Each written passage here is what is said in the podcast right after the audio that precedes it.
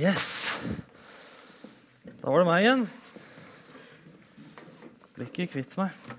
Du, eh, siden vi er på podkast og sånt, så må jeg liksom si hjertelig velkommen, eller hjertelig velkommen til alle sammen en gang til. Og spesielt velkommen til dere som er nye her, og spesielt velkommen til dere som er på podkast og som lytter. Håper vi kan se dere her en gang. Og spesielt velkommen til Jon Ole og Grete og Leon. Og jeg glemte å gjøre en ting i stad, og det gjør meg skikkelig flau. For jeg har forberedt meg egentlig veldig godt. Men jeg glemte å si gratulerer sånn med liksom håndtrykk. Ja. Uh, jeg har liksom sett liksom mine helter gjøre det, og jeg har skikkelig glatte sko. Uh, sånn. Da er det også gjort. Nå nå er han velsigna, liksom, så nå er det greit. Du, nei da. Um, jeg har en svigermorfar som sitter her, og han har sikkert hatt 100 000 sånne barnevelsignelser, så jeg kommer sikkert til å få en sånn en lang liste med ting som jeg burde uh, huske til neste gang. Du, um, uh, vi holder på med kirkeårets ja, Grunnen til at jeg står som dette her, er bare jeg er ikke vant til å tale i dress. Sånn her mikrofonsaken ja. Sånn, ikke tenk på det. Du, Vi holder på med kirkeårets tekster her i, i Misjonskirken. og... Og det, jeg syns det er ganske spennende. Um, fram til denne søndagen her. Og da syns jeg det var litt sånn Å, skulle ønske vi holdt på med noe annet. Um, men, eh, men, eh, jeg synes det er ganske spennende med kirkeårets tekster, og vi som jobber med det, syns også det er ganske spennende. Um, og vi synes det er givende å jobbe på den måten altså at uh, når vi forbereder prekenene våre, så er det teksten som er utgangspunktet vårt. altså Det er en bibeltekst som er utgangspunktet.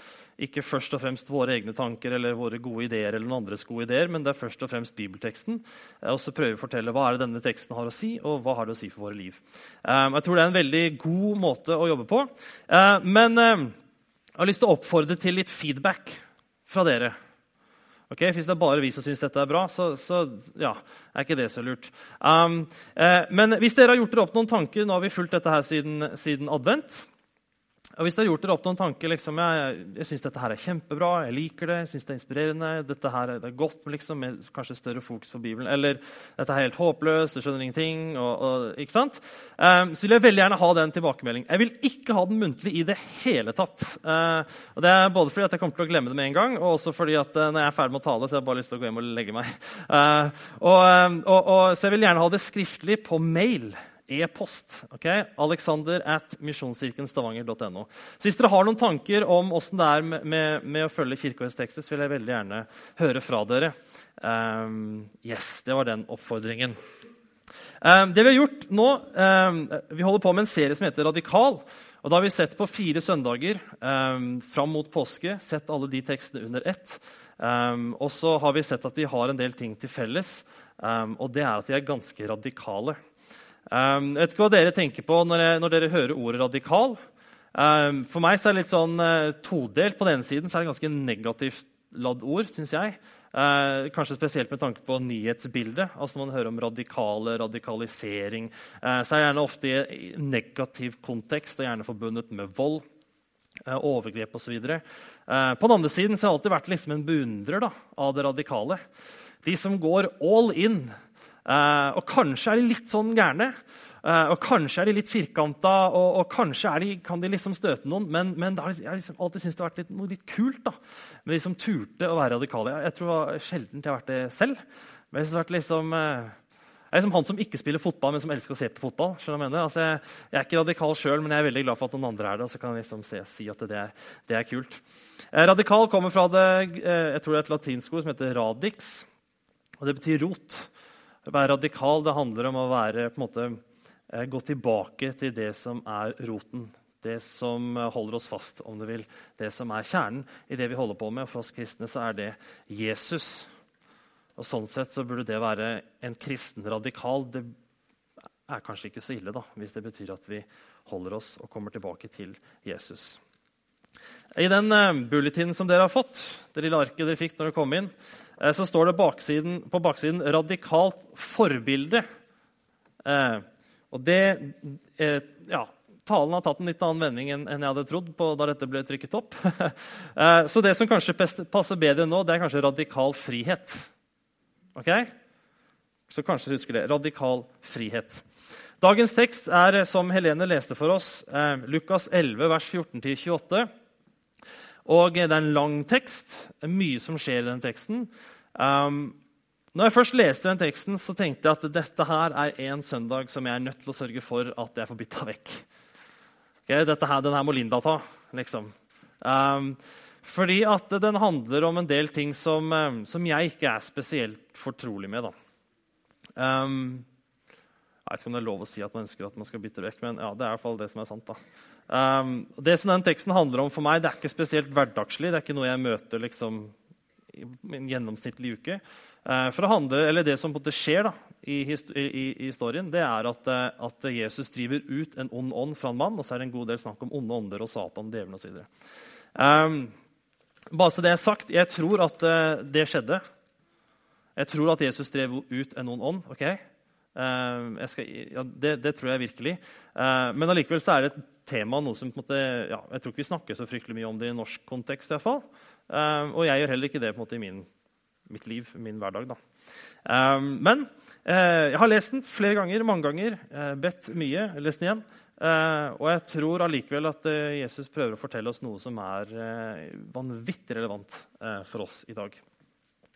Um, bare for å liksom gå gjennom teksten litt en gang til. Jeg har liksom delt den opp i tre deler. Og Den første delen er selve miraklet, altså det som Jesus gjør. Og så kommer det en samtale som jeg har delt i to. da. Um, for Jesus han driver ut en ond ånd, og det virker nesten litt sånn der, når Lukas beskriver dette, så virker det nesten litt sånn nonchalant. Altså, ja, han drev, drev, drev ut noen ånd, og så begynte fyren å snakke, og så liksom, var det fint. Nesten sånn, Det var hverdagslig, og det var det nok kanskje i større grad uh, for ham. Uh, men det som er interessant, er at, det, at det, folkemengden, altså det er en hel gjeng med mennesker som er vitne til dette, her, de reagerer veldig ulikt på dette mirakelet. Noen undrer seg Uh, undre seg, Det er ikke sånn liksom, klø seg i hodet og lure på hva er det som skjer. Uh, men det er et gresk ord som heter taumaso, eller taumaso, uh, som på engelsk oversettes til 'amazed' eller 'marveled'. Altså de, 'dette var utrolig'. Liksom, hva skjedde for noe? What? Skjedde det, liksom? Det skjedde! Det er litt mer sånn undre seg. så var det noen som var skeptiske, som begynte å lure på hva, hva er det egentlig som foregår her. Uh, de så at noe hadde skjedd, og så begynner de å spekulere. Kanskje er det Belzebul, kanskje det er noe, dette er noe onde åndegreier som Jesus holder på med. Og så var det noen som rett og slett var motstandere, som sa at vi vil sette Jesus på prøve, og vi krever et tegn fra himmelen som om det han har gjort, ikke allerede er godt nok. Uh, og så kommer det en ganske lang samtale. Det er hoveddelen av denne teksten. Um, og Den første delen av den samtalen her er Jesus som rett og slett svarer på det denne folkemengden tenker.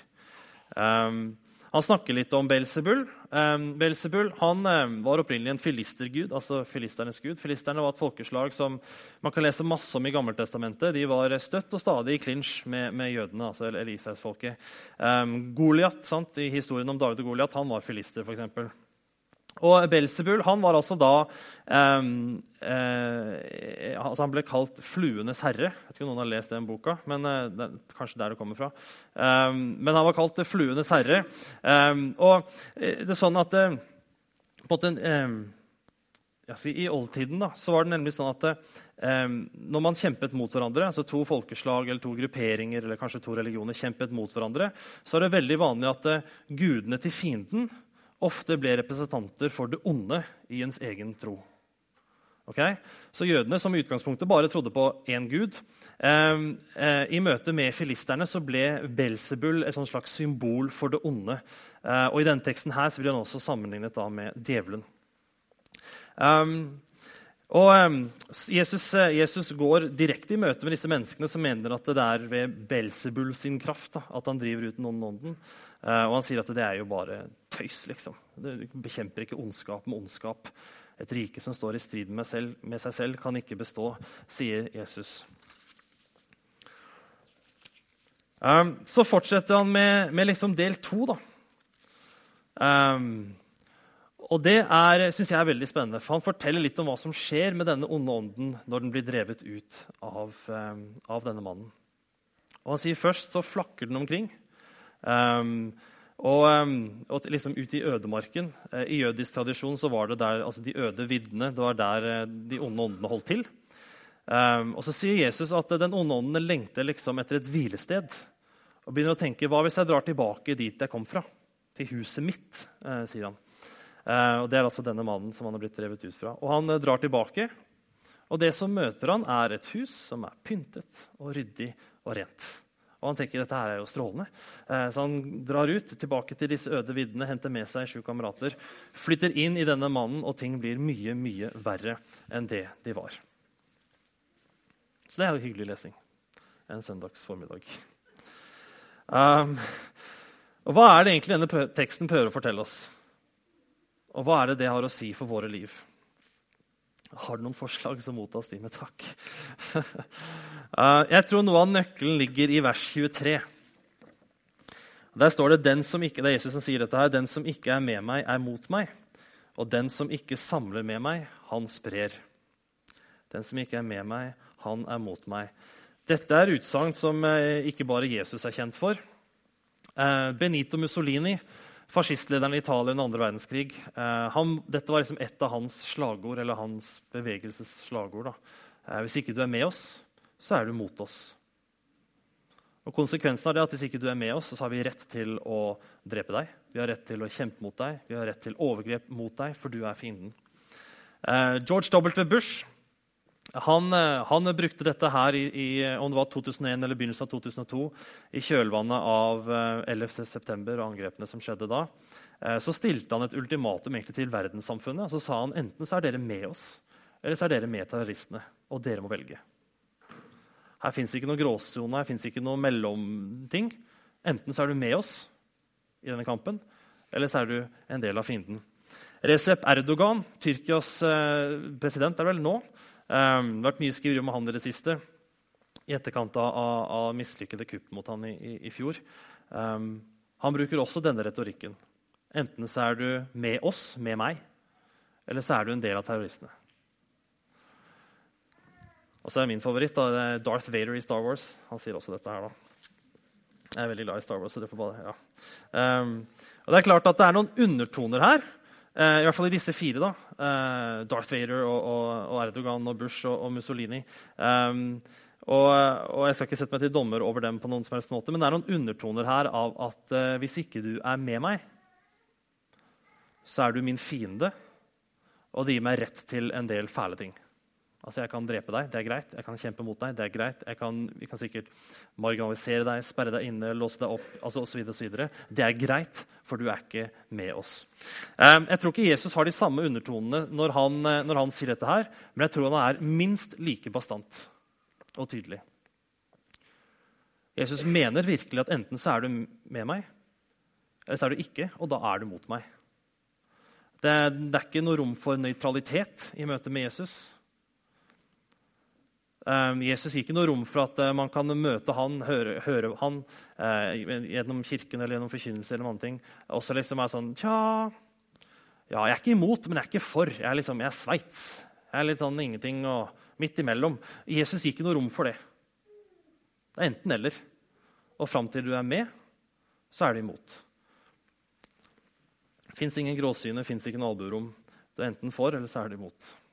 Det er ekstremt ekstremt tydelig skille. Og jeg tror at eh, Han forklarer det tydeligere eh, når han snakker om denne onde ånden som fyker rundt, eh, og som etter hvert kommer tilbake. Eh, for hva er det som den onde ånden finner når han kommer tilbake til mannen? Han finner et eh, hus eller et liv da, som er ryddig, og som er rent, og som er pyntet og som er fint og så flott. Og så er det tomt. Det er nøytralt, om du vil. Og nøytralitet det er kattemat for.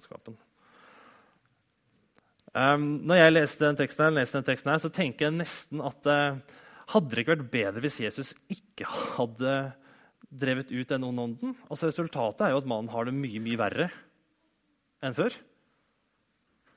tenker jeg nesten bedre om liksom, Jesus bare hadde hatt vær. Det høres nesten ut som at han sier jeg, jeg vil gjerne hjelpe deg, uh, men ulempen er at du kommer til å få det mye verre. Uh, jeg syns det, det høres litt, uh, litt rart ut. Men jeg tror det Jesus prøver å si, det er at eh, hvis du har et hus, hvis du har et liv som er pyntet, og som er feid, og som er rent og som er ryddig og som ser fint ut Kanskje du gjør mye godt, eller du er god, eller eh, gir vekk masse penger, eller kanskje du er en fantastisk eh, familiefar eller familiemor, eller et eller annet. sant? Um, du har et hus som er pyntet, og som er feid, som er rent og som er ryddig. Um, så har ondskapen allikevel et tak på deg. Om alt det du har, er ditt eget, så har ondskapen tak på deg. Jeg er kristen. Jeg tror på Jesus. Um, jeg tror at hvis jeg dør nå, så kommer jeg til himmelen. Jeg er også en synder. Og det kommer jeg nok til å være helt til jeg dør. Jeg er helt sikker på at jeg kommer til å være helt til jeg dør. Um, jeg gjør ting som jeg vet er galt, og så gjør det likevel. Jeg lar være å gjøre ting som jeg vet er rett. Um, jeg kjenner på, på, innsiden at det er et eller annet i meg som ikke er Jeg kan ikke si at jeg er 100% god, da. Eller at alt i meg er helt godt. Og jeg, må, jeg, tror nesten ikke det finnes et menneske altså, som, som, ikke har hatt en eller annen form for erkjennelse av at det er noe i meg som ikke er bra. Kanskje er det en bitte, bitte, bitte, bitte liten del, men jeg, men jeg tror alle mennesker til en viss grad ser at det er noe i oss som gjør at vi har muligheten til å og av og til til og med lysten til å um, gjøre det som ikke er, ikke er godt. Um, forskjellen på meg da, og en som ikke er kristen, det er ikke at ondskapen ikke har tak på oss, men det er et ganske stor forskjell i hva slags tak den har. Um, jeg er ikke syndfri.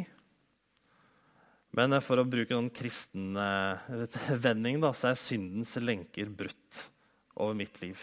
Det betyr ikke at jeg kommer til å slutte å synde. Det betyr at jeg får en guddommelig hjelp til å legge av meg en del ting. i løpet av dette livet her. Um, men, eh, men, eh, og Her kommer vi inn på noe som er utrolig viktig i, i kristen tro. Det er, det er, det som heter 'nå, men enda ikke'. Og Det er et begrep som beskriver en sånn samtidighet som, som vi kristne, en spenning som vi kristne er nødt til å leve i. Og Det er det at vi er satt fri fra synden. Det har skjedd. Men så har det ikke skjedd helt enda. Det vil først skje den dagen vi står opp igjen fra de døde. Jeg pleier å sammenligne med en fotballkamp. Leder du 4-0 Everton eh, de, de, slo eh, Sunderland eller hvem det var, 4-0 nå i helgen. Sant? Og de skårte sitt fjerde mål bare tre minutter på overtid. Lukaku. Um, for dere som ikke er interessert i slikt. Uh, men, men, de leda 4-0, og det var bare snakk om et par minutter igjen av overtiden. Og Hver kommentator hadde sagt at kampen er avgjort, kampen er vunnet men den er ikke over. Altså, Man må spille det, den delen av tiden som er igjen, selv om kampen allerede er vunnet. Og Litt sånn er det med, med den kampen mot synden, at kampen er vunnet, men, men, det er litt tid igjen av kampen. Og det er våre liv. da. Og Vi som kristne er nødt til å leve i den spenningen av at synden, vi er satt fri fra synden, men det er liksom ikke helt endelig enda. Og Vi får noen smakebiter på hvordan det er i løpet av livet sammen med Jesus. Og så En gang så kommer vi til å oppleve at når vi står opp fra døden, så blir vi satt fri fra absolutt all ondskap, all synd, alt mørke. Og det som er på en måte andre siden av mynten, er at hvis man ikke er kristen, så har synden tak på deg for alltid, også etter døden. Og det er, eh, det er ikke ofte man snakker om ja, helvete og fortapelse og evig død. Men uh, ja, det er en realitet uh, som også Jesus snakker om. Um, evangeliet er ikke dårlige nyheter. Hadde jeg slutta nå, så kunne det kanskje virka sånn.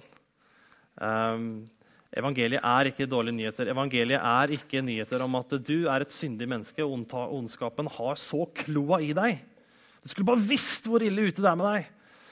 Snakkes. Det er ikke evangeliet.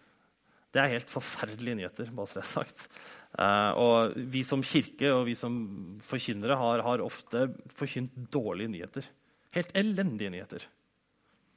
Um, og jeg har lyst til å benytte anledningen til å prøve å forkynne noen gode noen. For evangeliet er ikke bare at du er et syndig menneske, ondskapen har kloa i deg, du ligger så syltynt an. For en gang så kommer Gud, som er ren og rettferdig og bare god, og han kommer til å gjøre slutt på all synden. Og hvis du har synd i deg, så er det ille ute altså, med deg. Men de gode nyhetene det er at denne guden, som er så stor, som er så hellig, som er så ren, som er så mektig, som er så rettferdig, han som skal ta et oppgjør med absolutt all ondskap, som har tatt et oppgjør med all ondskap, og som har vunnet det oppgjøret. Han som, skal, han som ønsker å skille syndene dine fra deg så langt som øst er fra vest. Han gir oss alle sammen en mulighet. store og små, gjennom troen på Jesus. Og Gjennom troen på Jesus så kan vi faktisk oppleve å bli satt fri fra den ondskapen som vi har i våre liv. Vi vil ikke bli satt fri fra den ondskapen som finnes i verden. Den vil nok ramme oss så lenge vi lever, eh, på noe vis. Men når vi dør, så vil det være en en inngang til et nytt og helt fantastisk liv der ondskapen ikke har noe plass. Derfor har vi bedt det vi har bedt for Leon. Vi har bedt om at han skal holde seg til Jesus resten av livet. Derfor er det stort at barn blir født inn i menigheten. Ikke bare fordi det er koselig, ikke bare fordi det er flott at mennesker blir foreldre. Jeg, jeg, er en av de, jeg ble pappa for syv måneder siden. Det er helt vilt hvor eh, altså, nusselig og koselig og alt sånt det er. Og det er, jeg er så stolt, og jeg gleder meg. Jeg bestefar, eller min pappa, altså bestefar til Frida på besøk i helgen. Og det er bare så fantastisk. Um, men enda mer fantastisk enn det er at hun blir født inn i menigheten. For det betyr at hun har alle tiders mulighet til å vokse opp med en tro på Jesus. Derfor er det stort at nye mennesker legges til menigheten. Ikke bare for at det er hyggelig å treffe nye folk, eller at da blir vi flere, eller da kan vi skilte med et eller annet sånn tall. At det, før så var vi 100, og nå er vi 200. Se på oss, liksom. Um, men det betyr at mennesker har blitt satt fri fra ondskap og fra synd. Fra mørket. Det er de gode nyhetene. Og alt det ligger åpent for alle og enhver. Men det finnes dessverre ikke noen nøytralitet. Det finnes ikke noen mulighet til å svare på evangeliet med Tja, verken for eller imot. Det finnes dessverre ikke noen mulighet til å være liksom Ja, ikke enda, kanskje. Det er ikke innafor, dessverre. Men vi har alle sammen en mulighet til å si ja. Det har jeg lyst til. Jeg har lyst til å tro på deg, Jesus, og tusen takk for at du døde for oss. Og Da tror jeg ondskapen eh, møter noe helt annet enn et tomt hus men den møter Gud som bor i oss. Jeg har lyst til å lese noen vers fra Efeserbrevet. Er sånn at kirken, Kirkeårets tekst er bygd opp sånn at man har en hovedtekst, som gjerne er fra evangeliene. som man liksom skal tale ut fra. Um, og så har man en tekst fra Gammeltestamentet, uh, og så har man en tekst fra resten av Nytestamentet. Og um, ny, Den Nytestamentteksten i dag det er Efeserbrevet kapittel 5. Uh, jeg skal lese vers 8 og 9. En gang var dere selv mørke. Det er Paulus som skriver dette her.